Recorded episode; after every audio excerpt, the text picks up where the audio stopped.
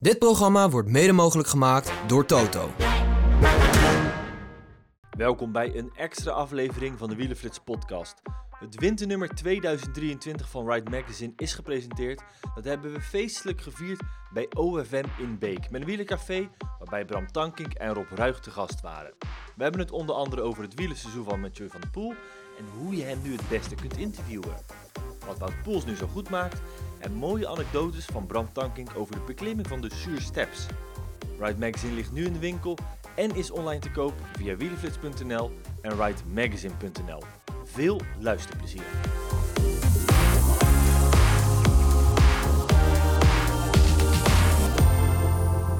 Welkom allemaal. Ik denk dat iedereen eh, er is. Dus welkom allemaal. Nogmaals een woord van dank aan eh, OFM, de gastheren van vanavond eh, voor ons.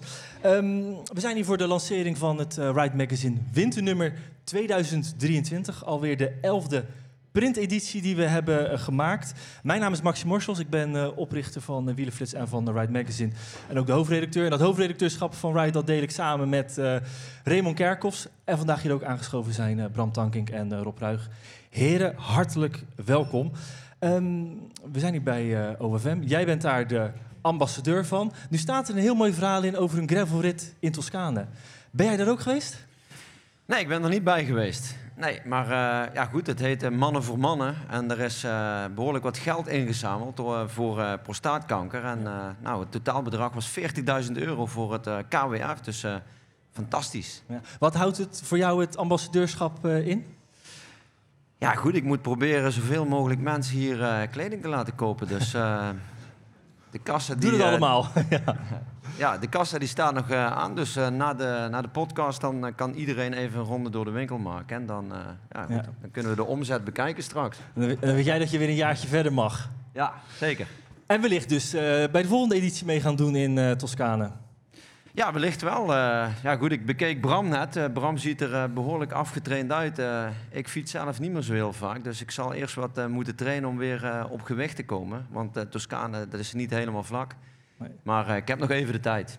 Maar de Rob wintertrainingen beginnen nu weer, hè? Toch? Ja, Of die zijn, alweer, aan mee? die zijn alweer begonnen, maar ik zit eh, achter het stuur. Oh. Eh, de Rob wintertraining, nu, bij, eh, nu ben ik natuurlijk nieuwsgierig. Wat zijn dat? Dat zijn eh, trainingen voor eh, jeugdwielrenners. Dus eh, vanaf de nieuwelingen categorie, eh, junior rijden ook mee en belofte elite. ja, en aparte groepen.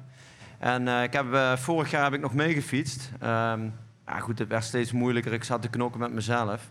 En toen had ik een van onze vrijwilligers met een hele dikke bierbuik. Die zat in zijn auto te rijden. En die kwam naast me. zei die. Ja, jongen, hoe kan je dat nou maken dat die jongens jou eraf rijden? En toen dacht ik bij mezelf, dit is de laatste keer dat ik meegefietst heb. Dit laat ik me niet aangaan. En eh, vanaf dat moment heb ik altijd in de auto gezeten. Ja, en dat bevalt goed. Dat bevalt hartstikke goed. Je kunt een keer naar voren rijden eh, om een paar jongens wat te laten inhouden. Hè? Want in de winter zijn ze natuurlijk bloedfanatiek. Als je dan richting dat wegseizoen gaat, dan kun je natuurlijk al in de winter een, een, een seizoen uit de benen hebben geduwd. Dus eh, dat proberen we ze vooral eh, mee te geven, dat ze in de winter in een opbouwende lijn eh, trainen. Je lijkt gelukkig nog niet op eh, de oude chauffeur. Nee, maar ik begin wel die kant op te gaan. Dus ik ga Bram, Bram is een buurman van mij. Ik ga bij Bram nog eens eh, eh, vragen wat zijn geheim is. En dan, eh, dan gaat het goed komen. Ben ik eigenlijk wel te verstaan als ik zo praat? Nee, Ja, ik ik krijg dadelijk heel even Ja. met jou delen. Ja, het, het, het geheim, ja, het, geheim, het geheim, ja, er is geen geheim. Het is gewoon weinig eten, veel fietsen. ja, ja. en af en toe een biertje op zijn tijd. Dat, eh, We zijn hier voor de, de lancering eh, van het nieuwe nummer. Op de cover een collage van eh Matje van der Poel met zijn drie eh, grote eh, ja, prestaties in het wegseizoen dit jaar. Welke springt er voor, voor jou het meeste bovenuit, eh, Bram? ja, ja, de, de strepen staan erbij. Natuurlijk het, eh, het WK, eh, fantastisch. En ja, hoe die dat dan doet, dat is helemaal schitterend. Dat hij dat dan, dat hij eerst nog eens, eh, ja, hij voert een mooie show op door eerst op de grond te gaan liggen en dan, en dan vervolgens heel hard, heel hard weg te fietsen. Dat vond ik, eh, ja, dat maakte, dat gaf het wel extra glans, eh, moet ik zeggen. Helemaal eens, Rob? Ja, 100 procent. Ja. ja, dat zijn wel momenten die eh blijven je altijd bij. Heeft er ook mee te maken dat dit gewoon degene is die ook nog het meest vers in het geheugen zit? Want ik denk de manier hoe die Milaan Sanremo wint. eh, is, is ook groot. Maar uiteindelijk is een wereldkampioenschap ja, dat, daar draait het om het hele jaar, zeg maar. Zeker voor, eh, voor klassieke renners. En, en, en bedoel, eh, je rijdt een heel jaar in die trui. Ja, wie wil dat niet? En dan kun je Milan Remo winnen. Maar die trui is toch wel, heeft toch wel net iets meer waarde eh, als je op je schouder zit. Raymond, jij hebt het verhaal met hem gemaakt. Tien pagina's is het in het magazine. Hoe ja, Van de Poel te spreken krijgen, zeker nu, dat was er, niet, was er niet makkelijk. Nu die wereldkampioen is geworden, is dat nog een stukje moeilijker geworden. Maar met een beetje kunst en vliegwerk is het gelukt. Eigenlijk met dank dat hij zoveel prijs heeft gewonnen. Ja, er was behoorlijk wat eh, kunst en vliegwerk voor nodig. Want hij heeft eh, de afgelopen twee maanden niet meer gesproken met de Nederlandse en de Vlaamse media.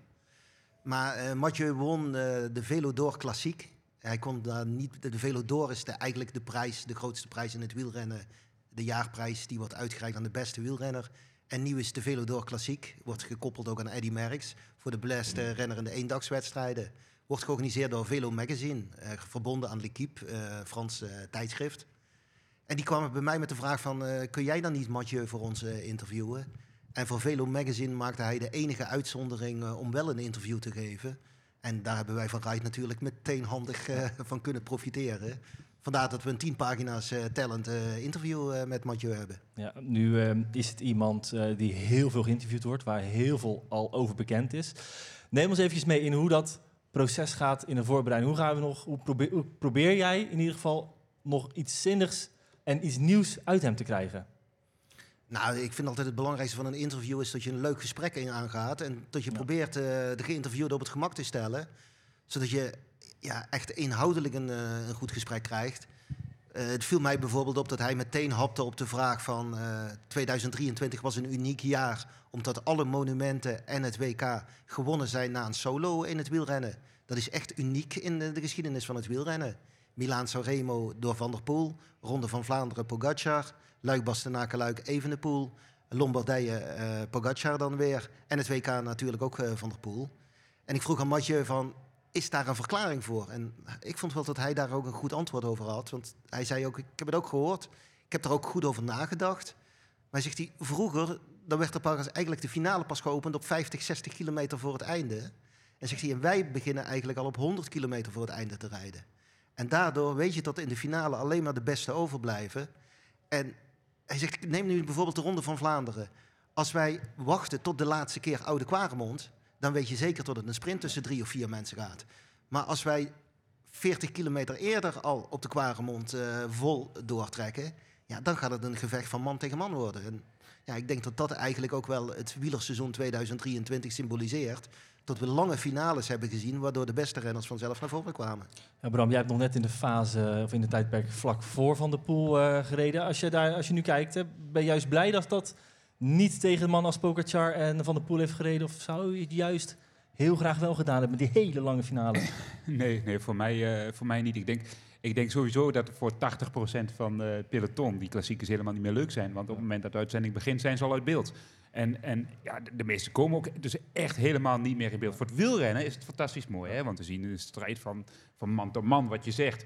Maar voor heel veel renners, ja, die fietsen in principe voor spek en bonen mee. En dat, dat, dat, dat is dan voor hun heel jammer. En gelukkig, eh, eh, voor mij is, eh, was dat na mijn ding. Want ik had gisteren toevallig nog een, een podcast met Sepp van Marken.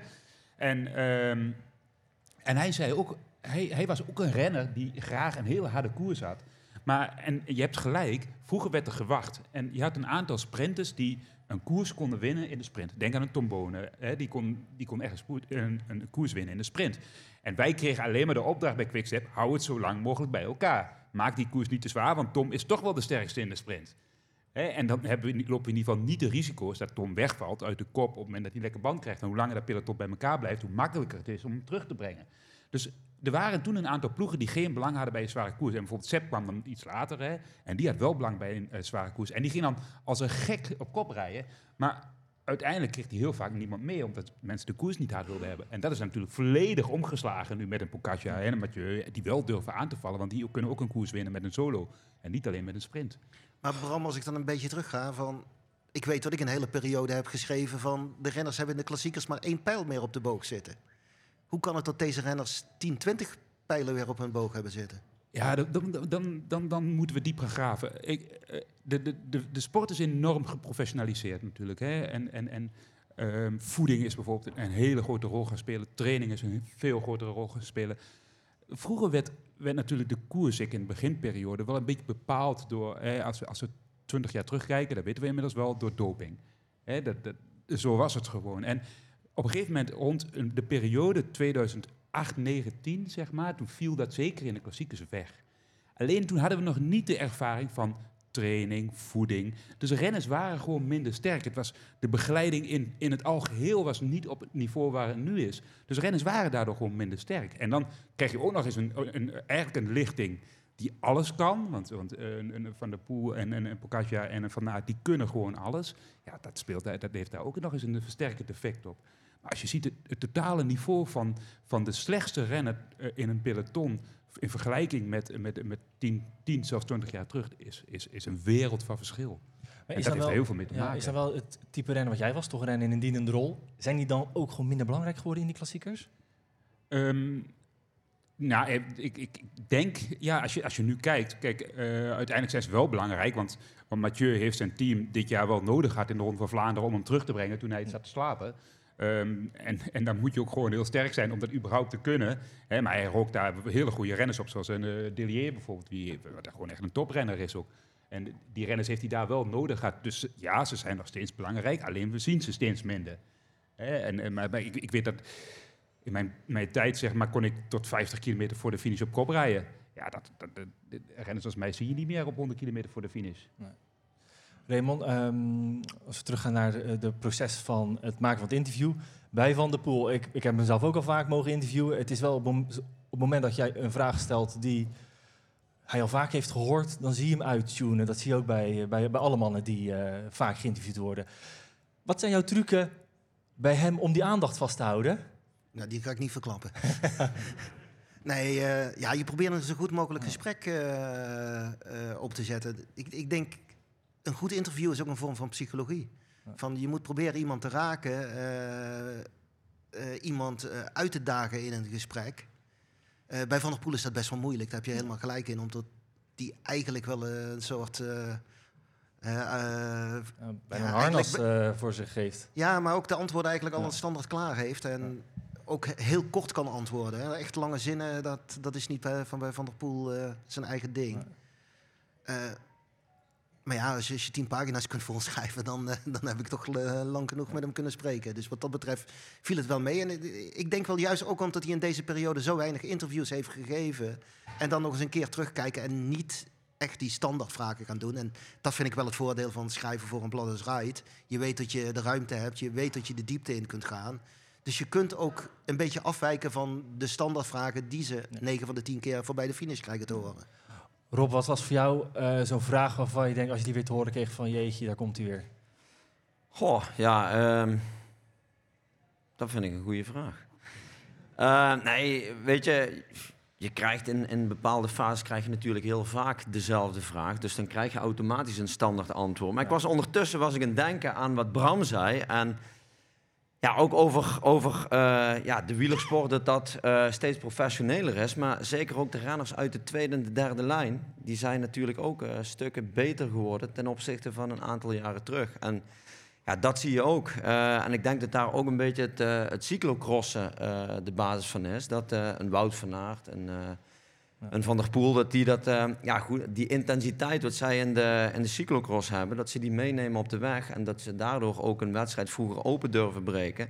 En dat andere renners eh, daarin meegaan. Maar ook bijvoorbeeld een Gianni Vermeers. Ja, misschien niet voor iedereen de bekendste. Wel eh, wereldkampioen gravel, maar ja, wel een fantastische wielrenner. Maar dat zijn jongens uit de tweede lijn. Ja, die kunnen echt wel een potje hard fietsen. Maar die zie je ook bijna niet in beeld. Ja, daar, daar nog heel even op terugkomend. Hè. Ehm, toen, toen ik in 2002, ik kan me nog herinneren, 2005. Toen, eh, ik had geen eens een trainer, er was geen trainer in de ploeg. En toen belde ik op een gegeven moment de dokter en zei ik, in december, wat moet ik doen? Toen zei hij, nou, als je voor kerstmis een keer drie uur op de fiets hebt gezeten, ja, dan ben je fit genoeg om op trainingskamp te gaan in januari. En dan gaan we daar beginnen met trainen. Dan heb je het de eerste, over de eerste week van januari. Nog in, nog in, het, is, het is nog geen zeven, acht jaar later, krijg ik in november, zit ik op Thailand, lig ik in Thailand op het strand, krijg ik een berichtje van Tom Dumoulin. Wie gaat er morgen mee vier uur trainen? De eerste wat ik terugstuurde, het is verdorie november. Maar snap je? En, en, en dat is nu eigenlijk... Rustig rennen ze al niet eens meer. Ze, in november zitten ze al vier, vijf uur op de fiets en gaan ze op trainingskamp. En dat is natuurlijk een totaal andere instelling. Maar, ook, maar dat, vraagt, dat vraagt veel meer van een rennen, maar dat vraagt ook meer professionaliteit. Want uiteindelijk eh, vraagt dat heel veel van je lichaam... waardoor je ook anders met je voeding om moet Ja. gaan. Anders met de rust om moet Maar gaan. Bram, als ik vraag wanneer begon het seizoen zeven jaar geleden eh, voor jou? Eh, nou, in ieder geval ergens na Mallorca, Ja. zeg maar. Hè. De, de, de, daar gingen we nog naar de naar Tour de Nunde. En dan was, daar stond je meer in de kroeg dan dat je op de Ja. fiets zat. En, en, ja, en, en, en een paar jaar later kwamen we daar terug. Ja, daar reed, daar- daar reed iedereen daar op top, top, topniveau. En als jij zelf niet topniveau was, dan werd, je, dan werd je gewoon de eerste dag naar huis gereden. Dus het- dat is gewoon een enorm verschil. Dat is natuurlijk ook het grote verschil wat eh, nu, de seizoenen nu die beginnen, die, dat eindigt eigenlijk niet. Je rijdt door tot eh, bijna begin november en je begint eh, op een nieuwjaar zowat eh Ja. met koersen. Ja, ik zag, morgen is er nog de Maryland Classic Ja. of zo. Dat, dat hebben we het over november.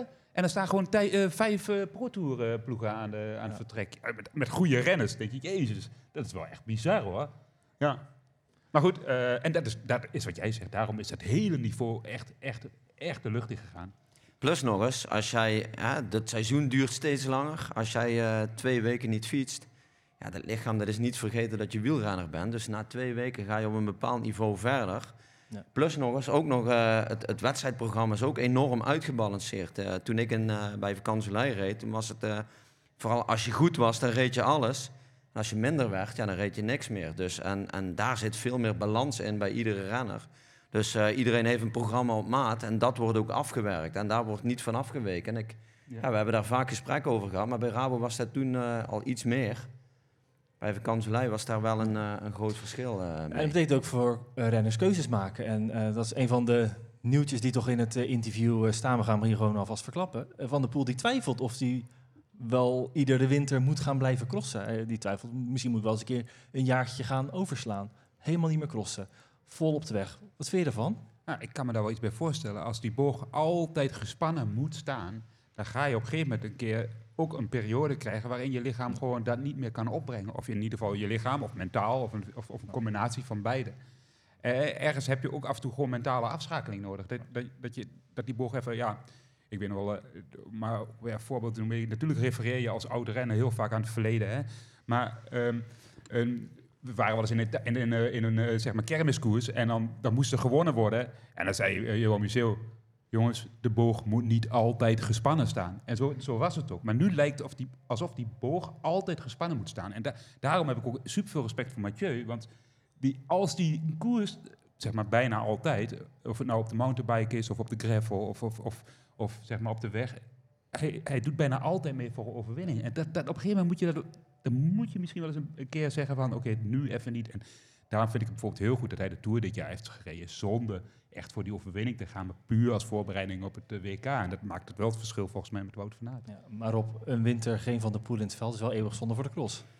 Ja, precies. Maar eh, ja, ik dacht spontaan aan eh, Marianne Vos. Die heeft het ook altijd maar blijven doen op de weg, op de baan, eh, eh, in het veld. En dan op een bepaald moment zegt inderdaad het lichaam van eh, nu is het genoeg geweest. En dan, eh, ja goed, dan kom je in de zoekmodus. En eh, ja, dan duurt het, ja, ze is nooit meer echt, ze is wel een hele goede wielrenster en heeft een fantastisch palmarès. Maar ze is nooit meer op dat niveau gekomen wat ze voor die tijd had. En eh, ja, ik denk dat het wel belangrijk is dat je daarvoor waakt. Ehm, dus ja, hij, hem niet meer in de cross. Ja, we moeten van... Ik denk, ik, ja, ik denk trouwens bij, bij Marianne Vos, ik weet niet of ze niet op dat niveau is gekomen, maar ik denk dat zij in is gehaald ook door de professionaliteit van het vrouwenwielrennen. Want het vrouwenwielrennen is inmiddels ook zeg maar, veel breder geworden dan alleen Marianne Vos. En eh, ehm, ja, dat, de- ik, ik denk dat daar is het niveau de, de afgelopen jaren ook echt, echt omhoog gegaan. In de hele breedte. Ja, en Van der Poel moet ook niet vergeten dat hij eigenlijk zo'n moment al heeft gehad met zijn rug. Want ja, dat is pas eh, anderhalf jaar geleden dat hij daar, eh, nou nu bijna twee jaar geleden, dat hij daar nog gewoon nog mee speelde.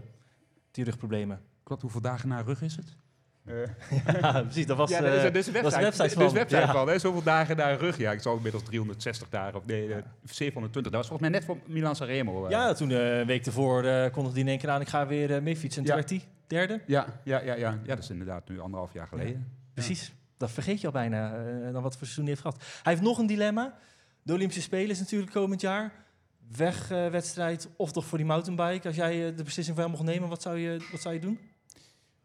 Als ik, eh, ja, hij moet in ieder geval zijn hart, zijn hart volgen. Ehm, ja. Dan zal het mountainbike worden. ja, ja, dan moet hij, dan, ja, dan moet, hij, dan moet hij dat doen. Ik, ik denk voor hem dat het eh, mountainbiken, ja, ja als dat, als, hij moet echt zijn hart volgen. Want ik denk daardoor gaat hij het langst blijven fietsen. En, en daar kan volgens mij niemand over oordelen wat hij is. En ik denk wel ergens dat dat wel ergens... hij is een man van actie. Maar het is natuurlijk ook voor hem een beetje kiezen tussen eh, eh, het hart, wat het, de mountainbike is, en de prestige en ook de misschien wel ploegbelang van, van de weg. Ik denk dat ze, dat ze wel aan hem zitten te trekken voor de weg. Dat denk ik zeker, ja. ja. Wat zei hij daarover, Raymond? Nou, ik ben daar nog niet echt veel dieper met hem op ingegaan. Omdat we vooral terug hebben gekeken naar het afgelopen jaar. En hij ook aangaf van die keuze is nog niet gemaakt. Als ik zelf kijk, dan zou ik denken van ik zou de weg doen. Precies, als je nu dan gaat kijken, de, uh, de Olympische Spelen vallen gelijk in precies dezelfde periode als dit jaar het WK in Glasgow. Uh, precies even, uh, wat is het, twee weken na de Tour de France dan zou ik net de Tour ook weer in dienst rijden van zo'n Olympische wegwedstrijd. Het parcours in uh, Parijs lijkt best wel op het parcours in Glasgow. Ook een stadparcours rond Sacré-Cœur. Er zijn ook genoeg van die steile hellingen wat je in Glasgow ook had. Dus wat dat betreft is dat ook op hem zijn lijf geschreven. Maar ik ben Mathieu van der Poel niet. En ik ben wat Bram zegt, ben ik het helemaal mee eens. Mathieu moet gewoon doen wat hij wil. En hij moet echt zijn hart volgen. En, en wie zijn wij in godsnaam om allemaal te gaan roepen... hij moet op de weg rijden, omdat we denken dat de weg zoveel groter is. Voor hem is dat een lang gekoesterde droom. En als hij die waar kan maken, ja, dan moet hij daar vol voor gaan. Een man die ook zijn hart heeft gevolgd afgelopen seizoen is Wout Poels. Daarbij bij op bezoek geweest in uh, Monaco. Um, hoe kijk je naar zijn seizoen? Twee grote hoogtepunten. Ja, ongekend. Uh, ja, als ik over Wout begin uh, te praten, dan, dan, verschijnt er altijd een glimlach bij mij op het gezicht ik ken eigenlijk geen enkele renner die zoveel humor heeft. En vooral de mooiste humor vind ik altijd zelfsport. En qua zelfsport is hij echt de meester. Hij wil zich eigenlijk altijd voordoen als de held op sokken. Terwijl als je aan iedereen die met hem traint, of iedereen die hem een beetje goed kent, ja, is hij een van de meest professionele renners die er bestaat. Ja, dit jaar in de Tour, hoe slim en hoe sterk hij van aard loste op die klim naar, Mont, naar de Mont Blanc, Saint-Gervais-Mont Blanc. En dan vervolgens in de Vuelta op een hele slimme manier ook alweer in de sprint Remco Evenepoel verslaan. Ja, ik denk dat hij in België dat hij iedereen een nachtmerrie heeft bezorgd. Ja, echt fantastisch als je dat op je 35ste kunt doen. Rob, hoe heb jij ernaar gekeken? Ja, vooral met veel bewondering. Uh, ik denk dan uh, iedere keer ook terug aan de zware valpartijen in ja. de Tour de France. Uh, in 2012, in de zesde rit naar Metz. ja, toen hij onderuit schoof, zijn, zijn nieren scheurde zijn mild. Ik was erbij. Sterker nog, hij reed ja, achter tegen mijn zij aan. En ja, goed, het eerste wat een wielrenner denkt is waar is mijn fiets. Maar ja, ik moest bij Wout blijven en ik zag Wout niet. En ik keek in de berm en daar lag hij. En ja, goed, dan stap je op hem af. En ja, keek in zijn ogen. Ik, ik raakte licht in paniek. Want ja, goed, Wout had niet meer de blik in de ogen die die, ja, zoals ik hem ken. En het was meer wit, grauw, geel. En ja, ik zeg, hoe gaat het? Ja, hij, hij, hij, hij had zijn hand uh, op, zijn, uh, op zijn buik. En uh, ja, goed, uiteindelijk de rondearts geroepen. En toen kwam ondertussen Daan Luiks, onze teammanager van destijds, kwam aanrennen met wielen. En ja, goed, hij zei tegen mij, rij maar door. Dus ik had ondertussen een andere fiets gekregen. Maar ja, Wout die is toen in de ziekenwagen geladen. Maar bleek dus later nog op de fiets te zijn gestapt. Omdat hij dus uh, ja, voor het team wilde doorrijden. En vooral ook voor zichzelf natuurlijk. Maar uh, ja, bijna met desastreuze gevolgen. En uh, ja, toen ik dus een aantal jaren later eerst hoorde toen die uh, Luik Luik won. Toen zat ik in een Belgisch ploegje. Ja, toen sprong een gat in de lucht. En die Belgen die snapten er helemaal niks van. Maar ja, ik weet wat ik toen met hem heb meegemaakt. En ja, dat was fantastisch. En als je dan ziet hoe hij dat nu doortrekt en ja, goed, het liep uh, vorig jaar niet helemaal lekker. Maar uh, ja, nu zo'n tour ja, valt dan wel alles in één. En dan ook nog eens van een Wout van Aert. En in de Vuelta van Evenepoel, waar iedereen nog dacht van... Ja, Wout, kan die wel sprinten? Ja, tuurlijk. hij kan hartstikke hard sprinten. En ja, dat is fantastisch. ja. En dan zeg je, hij is bezig aan zijn tweede jeugd. Maar is hij zelf niet helemaal happy mee als je die vraag stelt van... Dat dit nu zijn... Nou, hij is er vooral niet zo happy mee dat, dat sommige mensen zeggen van dat hij de laatste jaren eigenlijk minder heeft gepresteerd. Uh, hij zegt, dan hebben ze mij toch echt niet goed gevolgd. Hij zegt, ik heb nog Valencia gewonnen, de Route del Sol. Uh, ik zat in de UAE-tour nog bij de eerste vijf, zes, uh, geloof ik. Twee jaar geleden won hij nog bijna de bolletjestrui. Was pas in de laatste bergreed tot uh, Pogacar hem daaruit reed. Hij zegt, die win ik die bolletjestrui. Dan zegt iedereen, ja, maar je hebt altijd op niveau gereden. Dus dat stak, steekt hem wel een beetje. En dat kan ik wel begrijpen. Ja. Ja, absoluut. Ehm, ik bedoel, eh, Kijk, Wout is natuurlijk een renner die het moet hebben van die aankomsten bergop in een ontsnapping. Hè, en dan, da- daar zijn er niet zo, zo, zoveel kansen krijg je dan niet op een jaarbasis. Zeker niet, eh, zeker niet als, eh als Manus Pogacar ook nog eens voor de overwinning wil gaan op Roglic, zeg maar. Ik wil niet zeggen dat hij ze niet kan kloppen.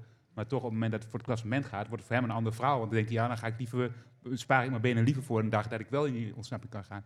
Maar zo'n ontsnapping heb je niet altijd in de hand. Wat, wat, ook heel leuk, wat, wat ook heel leuk was van, van, van dit verhaal. eh, ik, ik was bij Wout thuis in, eh, in zijn appartement in Monaco. En eh, eh, dat zijn eigenlijk drie verschillende torens waarin hij woont. Eh Bouke Mollema en Stefan Kruiswijk die wonen in een andere toren van dat gebouw. Maar ze hebben allemaal dezelfde voordeur. En Wout zegt, ja, voor de rest ken ik hier helemaal niemand. En we gingen dus avonds eten en we liepen naar buiten. En we gingen in de lift. En daar stapt toch een mooie vrouw in. En die zei meteen, hey Wout. was volgens mij ook weer een Russische, want volgens mij half Monaco is alleen maar Russisch. Dus Wout stond alweer met een hele rood hoofd. eens even eens uitleggen? Ja. Maar, dus wat dat betreft eh, kennen ze wel genoeg mensen daar. Wat, wat ik wel een mooie passage uit het interview vond, is zeg, wat, hij zegt van je moet goed weten wat je kunt. En dat eh, refereerde hij eigenlijk aan wat hem altijd in zijn tijd bij, als meesterknecht bij eh, Team Sky. had gezegd, joh Wout, je moet eens voor je eigen kansen gaan, want jij kan ook een grote ronde eh, winnen. En nu zegt hij eigenlijk dat hij toen al wist van, dat zit er mij niet in, wat ik nu doe, dat kan ik goed. En dan moet je ook als wielrenner ja, accepteren en, en, en daar gewoon een mooie carrière rondom bouwen. Ja, dat klopt. Ja, we hebben hem natuurlijk heel Ja. vaak eh, voor Froome, voor Thomas, voor Bernal op kop zien rijden in die in de Sky Ineos trein. Ja, bergop was hij gewoon beter dan de anderen.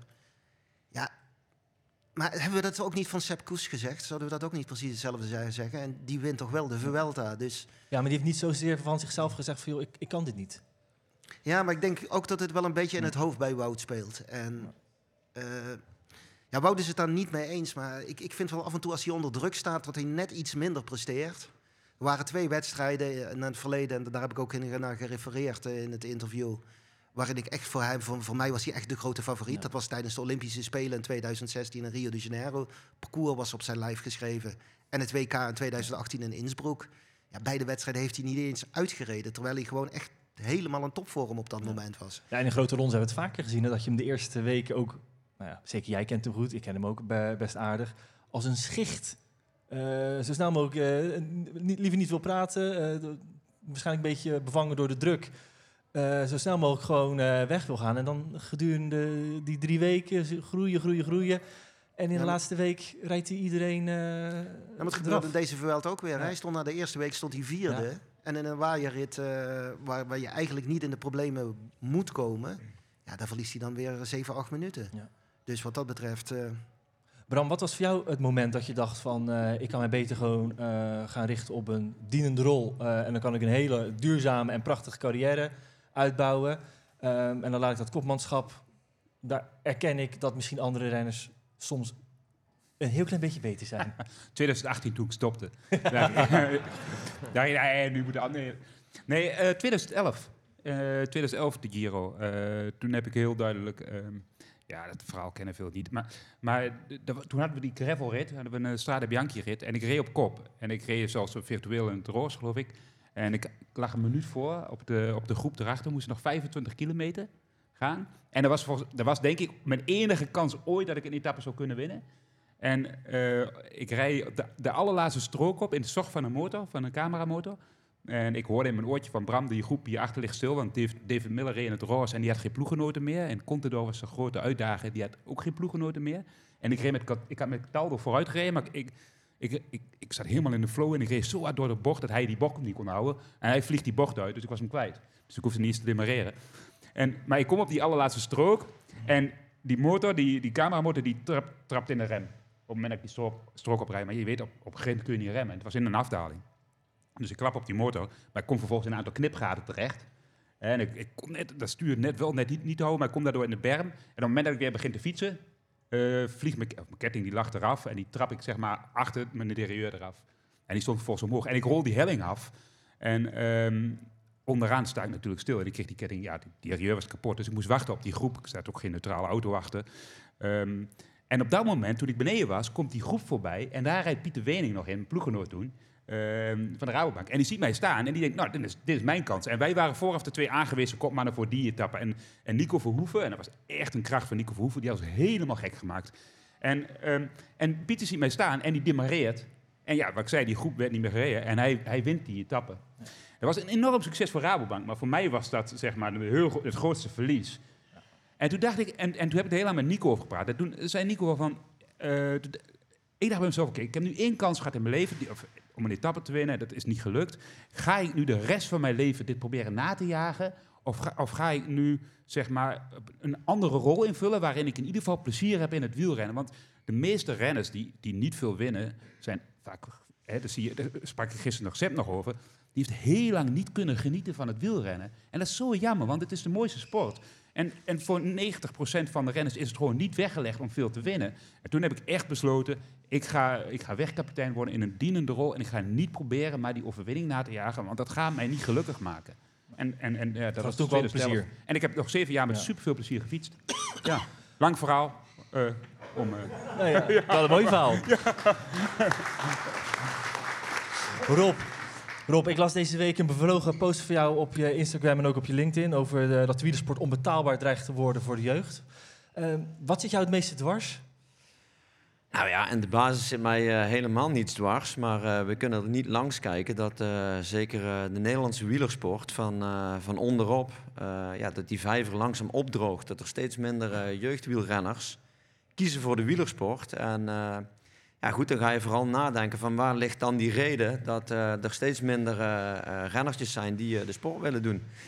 En ja, goed, dat heeft eh, een aantal oorzaken. Op de eerste plaats eh, ja, is het eh, eh, vooral een stukje mentaliteit. Hè. De triggers om voor die sport te kiezen, maar ook de politiebegeleiding die, ja, goed, die afzwaaien, hè, die niet de capaciteit meer hebben om wedstrijden te begeleiden. Ehm, ja, daar zie ik vooral ook een, een verlies voor jeugdwielrenners. Dus van een wielerkoers moet tastbaar zijn. Als jij om de hoek een dorp verderop een wielerkoers hebt, dan ga je met je vader ga je even kijken. Maar als, jij, eh, als je vader vraagt van ja jongen, wielrennen mooi, maar eh, ja, waar zijn die wedstrijden dan? Ja, die zijn in Utrecht, eh, pap.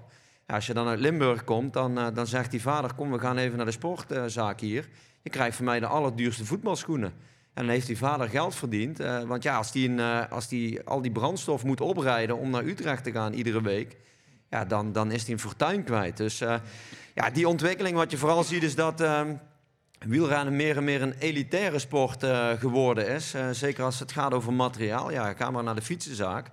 Een, eh, een gewone racefiets kost eh, behoorlijk, eh, behoorlijk wat centjes. En ja, ik ben vooral aan het nadenken over ja, hoe kun je nou zorgen dat je die jeugdwielrenner toch kunt triggeren om voor die sport te kiezen. En dat hoeft niet meteen om een S-Works te zijn.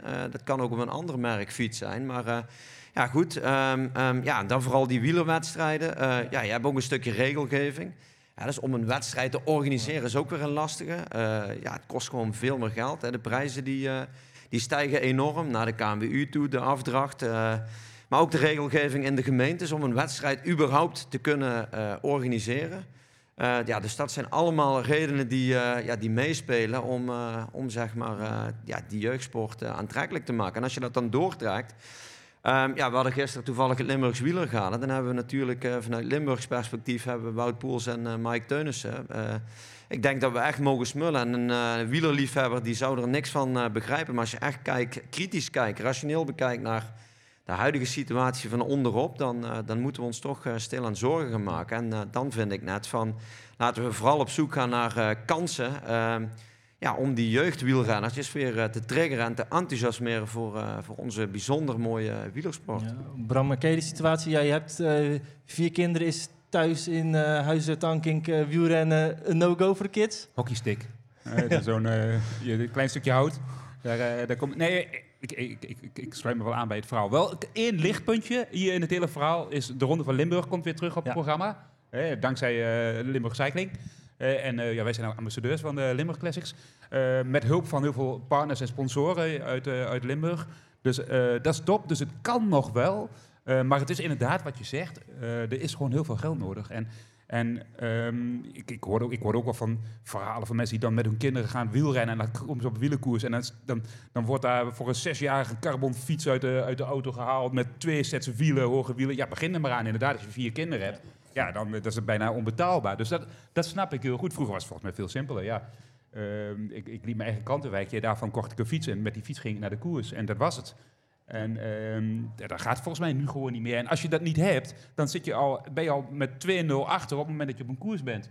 Want ja, Ja. Het, het- het materiaal maakt wel degelijk, dat weten we inmiddels wel, wel ook een verschil. Ja. Natuurlijk, met talent kom je er uiteindelijk, maar ook voor een grote lichting die al in het begin al achterop is, is het gewoon niet leuk om aan te haken bij jongens, en jongens die met veel beter materiaal rijden. Dus, dus ja, is dat op te lossen? Moeten er gewoon regels gesteld worden voor Ja, kids? Er ik, zijn natuurlijk eh, al verzetten, die eh, vaste verzetten. Nou, dat heeft natuurlijk met eh lichaamsontwikkeling te maken. Maar misschien ook gewoon materiaal. Het mag niet eh, een bepaalde, ook een bepaald gewicht voor... eh, Ja, in. België is dat bijvoorbeeld al. Eh dan mogen ze niet met, eh, met carbon of met, met hoge velg rijden, hoger dan, dan 40 mm volgens mij. Dus die regel is er wel al. En ja, goed, wat ik ook een goede ontwikkeling vind, is dat ik in de wandelgang al gehoord heb dat ook de verzet van, van Nederland en België bij de nieuwelingen, dat was de afgelopen jaren was dat een enorm verschil. Ja.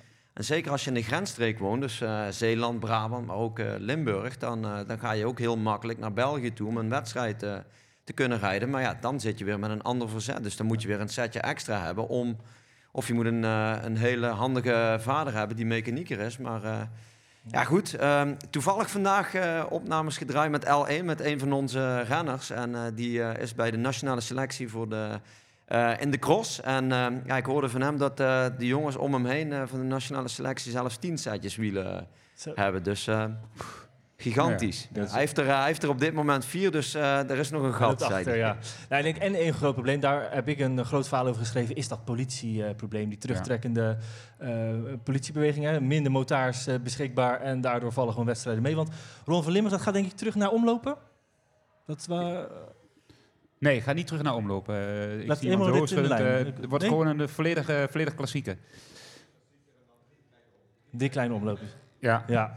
Ja, dat is, dat, dat is, dat is wel, dat, dat- is, dat is wat we nodig hebben, zeg maar. Ja. Die, die, dat soort koersen moeten gewoon eh, blijven bestaan. En het is toch ook raar dat, dat, dat ineens de politie... Tuurlijk, ik snap wel dat er bezuinigd moet worden... maar dat de politie geen geld meer heeft voor wielenkoersbegeleiding...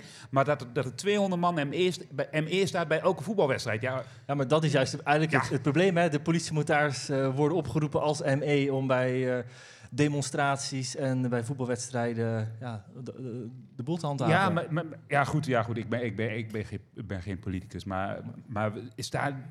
Daar kan toch ook verdorie bezuinigd worden. Dan maar speel je maar wedstrijden zonder publiek. Ja, het is, het is altijd, als, als alle sport ten koste moet gaan van het voetbal, dan zijn we, ja, dan zijn we als maatschappij voor mij te door opgeschreven. Ja. Ja, maar je zou dat heel makkelijk kunnen oplossen. Als je bijvoorbeeld meer bevoegdheid geeft aan eh, verkeersregelaars, dan, eh, dan aan motaars die eh, geen politie zijn, dan, dan zou je zo'n probleem al kunnen tackelen. Sterker nog, in België, ja goed, daar, eh, als je daar een wielerkoers organiseert, dan, eh, dan staan daar eh, tegenwoordig in Nederland, dan, dan moet je ook behoorlijk wat betalen aan, aan mensen die bevoegdheid hebben van verkeersregelaars. In België heb je gewoon de echte seingevers.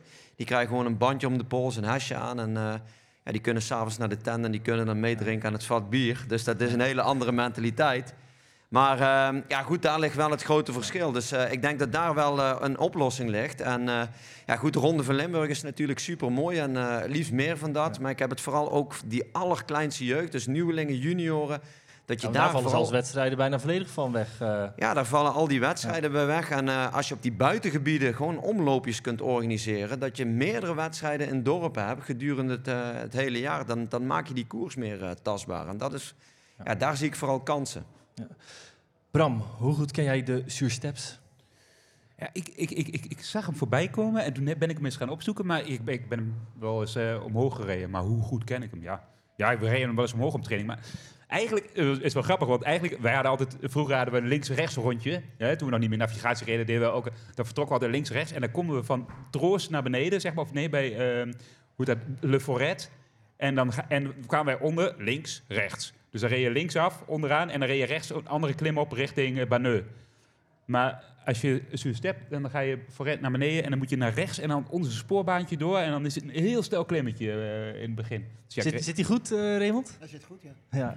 Het is eh, in de rubriek eh, de, de klim eh, is hij, eh, heeft Zeger hem eh, opgefietst. Het is de favoriete klim van Tom Dumoulin. Dus ik vroeg me ook af, ben je hem vaak ook met hem opgefietst? Eh, nee. Ja, dat, dat, dat was echt de grap. Ehm, in het begin eh, hadden wij een hele trainingsgroep. En eh, eh, Tom Dumoulin, er was al een jong manneke. En toen dachten we, ja, wie is Tom Dumoulin? Die, die, die, die, die, laten we niet zomaar mee fietsen. En, die kan niks. Maar die bleek uiteindelijk heel goed te zijn. En later, later fietsen die natuurlijk wel veel meer. Maar ik heb eigenlijk niet, ik denk dat ik, ja, ik weet niet of ik met hem vaak de step op ben gereden. Maar je bent toch wel vaak met hem op eh, training Ja, geweest? Vaak. Ik, de- hij was natuurlijk wel, jawel, wel, wel vaak, maar ehm, vaak, ja. Maar ja, ja, weet je. Uiteindelijk niet zo vaak. Ja, ja wat, is, wat is vaak? Kijk, ik reed heel veel. Reed je wekelijks met hem? Nee, nee, twee wekelijks. Weet je, op een gegeven moment, en zeker ook naar het einde van de carrière toe. eh, en dat is natuurlijk ook iets wat veranderd is in het wielrennen. En zeker nu helemaal, hè, dat moet je Josse maar eens eh, vragen. Iedereen te- traint tegenwoordig alleen. En vroeger trainde je met een groep, en dan vertrok je om tien uur, of dat was dan de bedoeling, en dan vertrok je uiteindelijk om elf uur, en dan ging je vier, vijf of zes uur fietsen. En degene die de grootste mond had, die, eh, die bepaalde hoe lang er gefietst werd, en eh, sommigen haakten dan af. Ehm, maar dat is nu niet meer. Het is zo uitgebalanceerd dat samen trainen heel moeilijk werd. En ik weet nog wel eens dat we is inderdaad... wel ongezellig. Ja, en, en, en Tom was nog de enige die dan zei: Oké, ik ga mee trainen, maar ik doe mijn eigen blokjes wel tijdens de training. En dan zei hij tijdens de training: Ik doe even een inspanning. En dan eh, reed hij gewoon keihard weg, zeg maar. Of dan dachten wij: Nou, dan gaan we ook een inspanning doen, proberen we in zijn wiel te blijven. Nou, dat lukte dan nooit. ja, dat, was, dat was altijd heel grappig.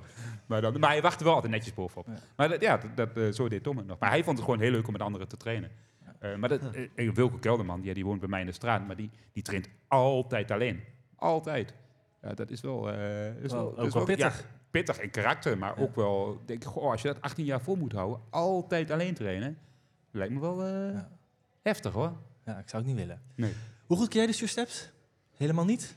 Nee, helemaal. Ja, jawel, jawel. Ik ken hem, eh, ik ken hem wel. Ja, zeker. eh, ik jaag de jeugd er wel eens overheen. Dus eh, ja, Jij in de auto. Ik in de auto, ja.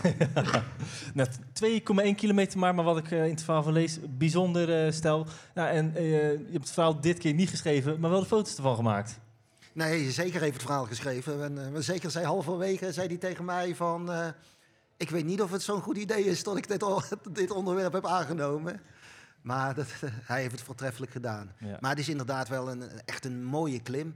Vooral omdat het ook echt drie trappen zijn. Hè. Je rijdt echt van, van het ene deel naar het andere. En vooral tussen de bossen in is die echt heel stijl. Is, wel- is wel mooi. Dat, sorry. Dat Vestredal, dat Vestredal, dat, eh, daar zitten echt links en rechts heel veel van die hele stijle klimmen. Je moet de Trollenval en eh, aan de ene kant. En je kunt eigenlijk al die klimmetjes, als je door het Vestredal omhoog en omlaag rijdt, dan maak je hoogtemeters, jongen. Dat is echt niet normaal. En eh, daar, ik heb met Lou- Louis de la Haye, die was daar ook altijd eh, fan van. En die, die is er ook een keer op trainingskamp al die klimmetjes omhoog en omlaag gestuurd. Nou, dan, eh, dan ben je aan het eind van de dag ben je helemaal klaar, hoor. Maar het is eigenlijk een, een beetje een onontdekte wielergebied. Hè? Ja. We hebben het allemaal over de, over de Limburgse heuvelzone, over de voerstreek. Maar deze streek die ligt net buiten het grauwe van Luik. Klopt. En eigenlijk is het iets ruwer, iets hoger dan, dan de voerstreek. Hè? Ja, het is eh, inderdaad. Het is echt een half uurtje verder fietsen. Of, ja, ja, hè, als je eigenlijk bij Olne al bij, bij de voerstreek uit bent eh, op Bel. En dan kom je richting Olne en dan naar beneden. En dan ben je in de Vesterdal. En daar, daar is inderdaad het hoogteverschil vele malen groter dan in de voerstreek. Omdat je daar die Vester hebt lopen. Raymond, in jouw column eh, schrijf je over het economisch eh, model van het wielrennen, wat eh, helemaal niks van klopt. Wat is het grootste probleem? Nou, het- het- waarom klopt het niet? We hebben eigenlijk gezien welke problemen er waren de afgelopen jaar. Eh, Ineos wilde als eerste gaan fuseren met, eh met Quickstep, om het zo te noemen. Vervolgens kwam de fusie tussen Jumbo-Visma en eh, Quickstep, die ook weer niet doorging. Ja, je ziet gewoon de problematiek die er is om sponsors te vinden, om aan een budget te komen van 30, 35 miljoen, wordt steeds moeilijker. Wat ik nu begrijp, gaat Ineos ook 10 miljoen van het budget afhalen. Renners hebben daar ook behoorlijk moeten inleveren. Rot Ellingwoord eh, is eh, daar op een zijspoor gezet, of helemaal eh, eruit gezet. Ook gewoon omdat het goedkoper moet. Ja. En ja, ik begin me steeds meer af te vragen: is het niet juist door een Redcliffe met zijn Ineos, maar ook door de oliedollars eh, uit het Midden-Oosten, zijn de budgetten niet veel te ver Ja. omhoog gegaan? Ja, moet een wielerploeg wel 40 miljoen kosten? Ja, ik weet niet of dat moet, maar ik denk als je de salarissen erbij legt, eh, met name in de, van de toprenners, die, die, die zijn explosief gestegen de afgelopen jaren. Dat, dat, dat, dat, is, een- dat is een feit. Ik denk dat de renners die, die eh, eh, vijf tot tien jaar geleden een miljoen verdienen, die waren op één hand te tellen. Maar nu, nu praat je over bedragen van, ik bedoel, Vroom die rijdt nog steeds rond. Wie Vroom de afgelopen jaar gezien met- voor een bedrag van 5 miljoen? Ja, je, waar gaat dat over? Ik bedoel, ja, ja, hij mag het verdienen van mij hoor. Ik bedoel, eh, Je gunt het hem ja, wel. ik gun het hem van harte, hè. dat, dat, dat- vooral. maar, maar dat is toch, dat, dat is natuurlijk echt totale waanzin. Want voor 5 miljoen heb je ook, heb je eigenlijk bijna een gehele ploeg. Hè? Ehm, dus, dus ja, Nee, maar dat is ook juist een punt wat ik aanhaal. Eh, als je naar de mondiale eh, tv-cijfers gaat kijken, dan scoort wielrennen niet beter dan handbal en judo. Maar ik ken geen enkele handballer of judoka die 5, 6 miljoen per jaar verdient. Dus ik denk dat we een beetje door aan het schieten zijn. En wat ik ook toch ook vreemd vind, en dat kost toch ook 4, 5 miljoen per ploeg, is dat tegenwoordig al die world teams een eh belofteploeg willen hebben en een vrouwenploeg. En- Ja, maar ook een beetje moeten van de UCI. ja maar dat is, moet- dat is, van, dat is vooral vanuit de UCI. maar het betekent wel weer dat je als sponsor 5 miljoen extra erbij moet eh, neerleggen. Ja, ja, is het. ja dan, dan kom je met een salary cap, maar wie, wie, wie zijn wij om daarover te oordelen? Maar, maar ehm, nou goed, eh, ik, ik, ik, ik denk dat inderdaad dat je, dat je een punt hebt. En het probleem is straks dat als er bezuinigd moet worden, dan gaan niet de toppers eruit, maar dan gaat de onderkant eruit. Of die gaan allemaal moeten inleveren. Want dat is natuurlijk, eh, ja, dat is uiteindelijk het, het, het probleem. Dan gaan we straks weer met minder renners rijden. Het is al gebeurd in de Tour van 9 naar 8. Eh, de ploegen gaan daardoor inkrimpen. Nou, als straks bezuinigd moet worden, gaan de eerste renners eruit. En, eh, en, en, en niet, niet de best betaalde renners, maar de iets goedkopere renners. Ja, Ja. Die zijn dan weer de dupe. Vind je het wel een goede zaak dat die fusie niet doorgaat? Ja, wow. Leg uit. Nou, ja, ja, ja, ja, dat is wel Ja? grappig, want er staat, de avond ervoor zaten wij eh, ook in de wielencafé. En, eh, en eh, Ramon was met de vrouw gekomen. Ik zeg, ah, die fusie gaat er nooit komen. Ja, maar, goed, ik had natuurlijk helemaal geen informatie. Maar voor, voor mijn gevoel, die, die, die, die, die verschillende culturen, die passen gewoon niet bij elkaar. Het zijn zulke andere culturen en allebei werken ze, maar wel op een eigen manier.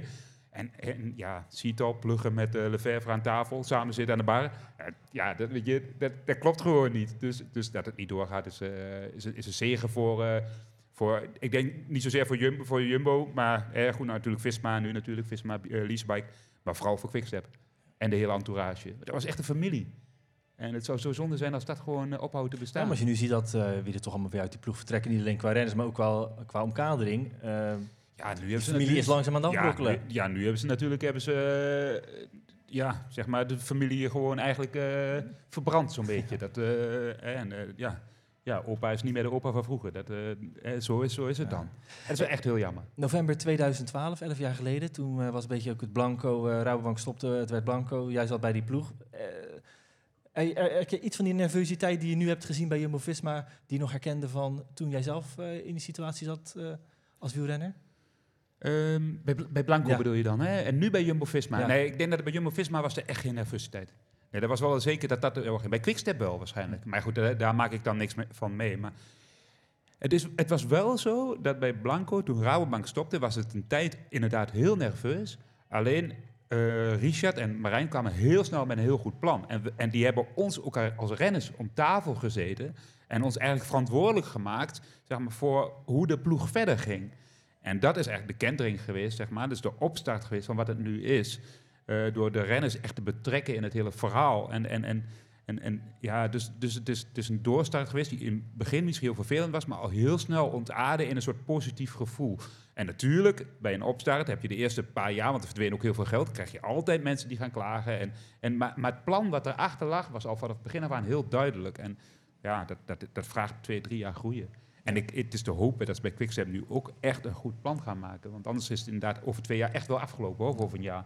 Ja. Dus, ehm, Ja, maar als je het dan hebt, eh, weet je, als je die, die, die fusies weer hoort, dan zie je hoe fragiel de wielersport eigenlijk is. Ehm, ja, goed, je, we hebben de laatste weken hebben we ook gehoord dat er een, eh, een overkoepelende geldschieter zou zijn om de hele wielersport eh, op te kopen. Zou dat dan- dan geen goede eh, ontwikkeling zijn? Ehm, ofwel media- en tv-recht, om die inkomsten meer bij de teams terecht te laten komen. Want het is, eh, iedere keer wordt dat onderwerp weer opnieuw eh, tegen het licht gehouden, maar je ziet er eigenlijk heel weinig ontwikkelingen in. Raymond. Ja, je, je, bedoelt, je doelt op eh, One Cycling en daar werd een eh Saoedische investeringsmaatschappij werd genoemd eh, als geldschieter. Eh, Richard Plug heeft me daarover aangesproken tijdens de tour van 2021. Ja, ja, ik heb het Ja, dat toen met was jou. op, ja, ik stond met jou in Tienje. En hij zegt, ik eh, kan je de volgende rustdag er meer over vertellen. Nou, we zijn inmiddels 2,5 jaar verder. En hij kan nog steeds niet niks meer vertellen. Eh, volgens mij trappen ze er ook altijd een beetje in. Ik, ik maak er nou al eigenlijk 30 jaar mee. Iedereen praat altijd met ASO. En ASO, de tourorganisatie, praat altijd mee. We gaan de boel daar vormen. Er gaat een nieuwe competitie op zet komen. Maar als het puntje bij paaltje komt, dan stapt ASO weer een stap terug en dan gaan ze weer eruit. En dan hebben ze weer vier, vijf jaar iedereen zoet gehouden met gesprekken. En dan zijn ze weer vier, vijf jaar verder. En ja, dit, dit, dit scenario gaat nu ook alweer spelen. Ja. Nou, Dat- over, over ook nog één ding zeggen, hè, want daar houden we het over op. Maar ehm, toen ik prof werd, toen, in 2002 werd ik op het matje geroepen bij Lefevre. En die zei, Bram jongen, het is crisis in de wielersport. Je moet begrijpen dat eh, de sponsors zich terugtrekken. Dat, dus, dat, dat, dat, dat eh, de, het wielrennen zeg maar, eh, aan populariteit verliest. En dat was 2002. En in die 20 jaar heb ik het wielrennen alleen maar populairder zien worden. En, en, en alleen maar meer geld. En, maar ik heb elk jaar wel gehoord dat het crisis was. Het was elk jaar crisis. En uiteindelijk, als je dus inderdaad wat we nu zien, hè, dat, dat de salarissen eh, voor de toppers, met name de toppers, maar ook wel voor de onderkant en ook voor het vrouwenwielrennen, alleen nog maar gestegen is, dan denk ik, ja, hoe groot is die crisis? En, en je hebt een punt in de, in de voortgang van het wielrennen, maar ik denk, daar, er komen wel, het, het wielrennen blijft altijd wel bestaan. Uiteindelijk heb je altijd 20 world teams. Hè? Ja, ja. Voilà. Het is wel nog eventjes wachten voordat er weer gekoerst gaat worden. Maar in de tussentijd, alle tijd is om eh, de nieuwe Ride Magazine eh, te lezen. Met het verhaal over het profrennen, maar ook veel over eh, fietsbestemmingen en eh, fietsmateriaal. En onder andere gravelen, waar jij nogal eh begenadigd eh, mee bent. En je vertelde net nog, eh, het wordt koud, maar jij gaat gewoon lekker je grenspalen in Limburg fietsen met ja, eh, ja, ja, kerst. ja, ja, dat, dat is leuk. Maar de afgelopen jaar hadden we de Episch Limburg 500. Hè. Dat, was, de- dat was het idee van Limburg Cycling. Maak nou eens een tocht over de grenzen van Limburg. Een vijfdaagse. Ik denk, nou, dat kunnen we ook in één dag doen. Ehm, maar toen ging ik die route uittekenen. shit, dat is 500 kilometer. En ik had de jaar daarvoor 420 kilometer eh, extreem gereden. Over de grens van Nederland, eh, Lim- eh, van Nederland-België. Vanaf Katzand naar Limburg. 420 kilometer, 17, eh, had ik 17 uur over gedaan. Ah, ik was zo kapot een week lang. Ik was thuis echt geen klap waard. Ik denk, als ik nou 500 kilometer moet gaan fietsen... en ik moet ook alle mensen nog bij de finish gaan opvangen... ja, dan ben ik twee weken geen klap waard. Dan ga je mijn niet leuk vinden. Ik denk, nou, doe het in twee dagen. Maar dat hadden we dus in twee dagen gedaan. Was de bedoeling. Maar het was zo warm. Dat was 35 graden. En iedereen die binnenkwam... we hadden ongeveer de helft van de deelnemers op moeten halen. Die eerste dag 270 kilometer. Die waren helemaal, echt jongen... allemaal met de oververhitting eh, gestrand. Dus wij al die mensen opgehaald. En toen zeiden ze allemaal s'avonds bij het kampvuur... ja, morgen, kampvuur was niet eens nodig, maar gewoon s'avonds aan bij, bij het bier. Ja, maar bij Greffel wordt een kampvuur, hè jongens. Hè? Ja, dus ehm, eh, toen zeiden ze, ja, wij gaan morgen echt nog niet 250 kilometer rijden. Het werd de dag erop ook 35 graden. zei ik, nou, weet je wat, doen we een hitteprotocol, maken we er 120 kilometer van. Maar ik, ik wilde eigenlijk wel graag die, die, die lus nog maken, de zuidelijke lus. Die is 250 kilometer, of 240. En ik, ja, wanneer moeten we dat dit jaar nou nog doen? En toen dacht ik, nou, ehm, ja, misschien kunnen we dat gewoon van de winter doen. Want dan is het in ieder geval geen 35 graden. Dus eh, die heb ik eh, vorige week in het leven geroepen. De Epische Limburg eh, Zuidelijke Lus. Greffel of op de weg, dat kan ook op de weg. Dan moet je die fiets weer van je roller halen. Eh, wie, wie- ja, bedoel, die, iedereen heeft die wegfiets al op de roller gezet. Nou, goede bandjes eronder. Echt gewoon lekker fietsen. Een hele dag tussen kerst en oud en nieuw. Hele dag fietsen. Al die kerstkilo's er weer af. Ja, dat is wel fantastisch. En, en wel start in het donker dan, hè? want eh, het is niet zo lang licht. Ik, eh, ik sla hem even over, maar Ja, ik wens in nee, ieder geval heel veel plezier. Ja, wat dat, wat dat betreft slaat hij ook weer aan op een verhaal eh, wat ik ook heb gemaakt voor dit rijdnummer. Vier Vlaamse vrienden die wilden een fietstocht gaan maken langs de grenzen van België. Kwamen erachter dat dat toch iets te veel kilometers waren. Hebben toen gekozen voor eh, de Vlaamse grenzen. Dus de echte Ronde van Vlaanderen. Zijn op Komoot gegaan. Elke keer het lijntje zo dicht mogelijk tegen de grens aan eh, geschoven. Heel veel gravelpaden gehad. Heel veel onverharde wegen gehad. Ze hebben daar een week over gedaan. Ik ben twee dagen met hem mee geweest. Echt een fantastisch avontuur. Zoals wielrennen eigenlijk op zijn moois is. En ja, dit, net zoals je een verhaal van Mathieu van der Poel maakte. Die twee dagen dat ik met die jongens eh, optrok. Dat was zo schitterend. En dat is denk ik ook de beleving die jij op die 28 december eh, wil krijgen. Wat, wat fietsen eigenlijk zo mooi maakt. Hè? Ja, klopt. Ja, ik vind, het leuk dat je dat zegt. Want ik ben ooit begonnen als, als, als jongetje om te gaan fietsen. En dan, dan pakte ik mijn fiets en dan fiets ik ochtends om 7 uur weg. En dan ging ik zo ver mogelijk Duitsland in fietsen. Ik woon aan de grens met Duitsland. En dat was voor mij wielrennen. Vrijheid of fietsen. Vrijheid, plezier, met, een, met iemand. Eh, met een vriendje ging ik dan, met mijn broer of met, met mijn vriendje en een broer. En, en zo ben ik met fietsen begonnen. Op een gegeven moment zijn we van Zuid-Frankrijk naar huis gefietst. Met z'n drietjes was ik 14 jaar, met mijn eentje, tentje op en op naar huis. En dat was wat voor mij fietsen was. En uiteindelijk ben ik dan uiteindelijk gaan wielrennen. Maar wielrennen kan soms ook gewoon heel erg saai zijn. Maar als ik nu weer terug naar de gravelen ga en dit soort dingen, hè, dus die grenzen van, van de Vlaanderen eh, fietsen met je maten, dat is uiteindelijk wat fietsen is. En, en ik heb nu echt het plezier in het fietsen weer helemaal terug. Maar had, ik, was, ik was als wielrenner had ik ook wel plezier. Maar, maar dit, is, dit is anders. Dit is, dit- en, en er zit geen druk op. En, en, en wat maakt het mij nou uit of het regent? Of, eh, weet je, je zit de hele dag op de fiets. 250 kilometer. het, is maar, het, is maar, het is maar een getal. Het is gewoon de hele dag fietsen. Ja, lekker.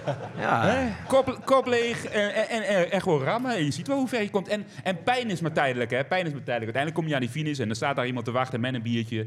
eh, en dan, eh, dan is alles weer vergeten. En dan heb je wel een mooi verhaal. Nou, mooie noot om mee Ja. te eindigen. Dank mannen. mooi. Nou, ik wil nog één eh, verhaal wil ik ook aanduiden. Zeker omdat hij hier is. Eh, hij was mij, een van mijn eerste helden, was eh, Tony Stroeken. Ik wilde vroeger eh, fotograaf worden. En Tony heeft zijn tien mooiste foto's uitgekozen v- eh, voor deze ride. Ik heb hem geïnterviewd hoe die foto's tot stand zijn gekomen. Ja, als je dan alleen al eh, de foto ziet van eh, Jacques Anquetil met zijn hele familie. Die volgens mij de dochter van zijn vrouw en de schoondochter van zijn vrouw zwanger heeft gemaakt. En Tony Ja. heeft ze allemaal weer op de foto gezet. Omdat zijn eigen vrouw niet lukte. Omdat het met zijn eigen vrouw niet lukte, nee. Ja, het zijn zo'n unieke eh, beelden wat hij heeft gemaakt. Eh, ik denk dat Tony echt voor de pure wielerhistorie staat. En eh, we zijn trots dat dat ook in het blad staat. Ja. Super. Goed om dat te zeggen. Mannen, dank jullie wel.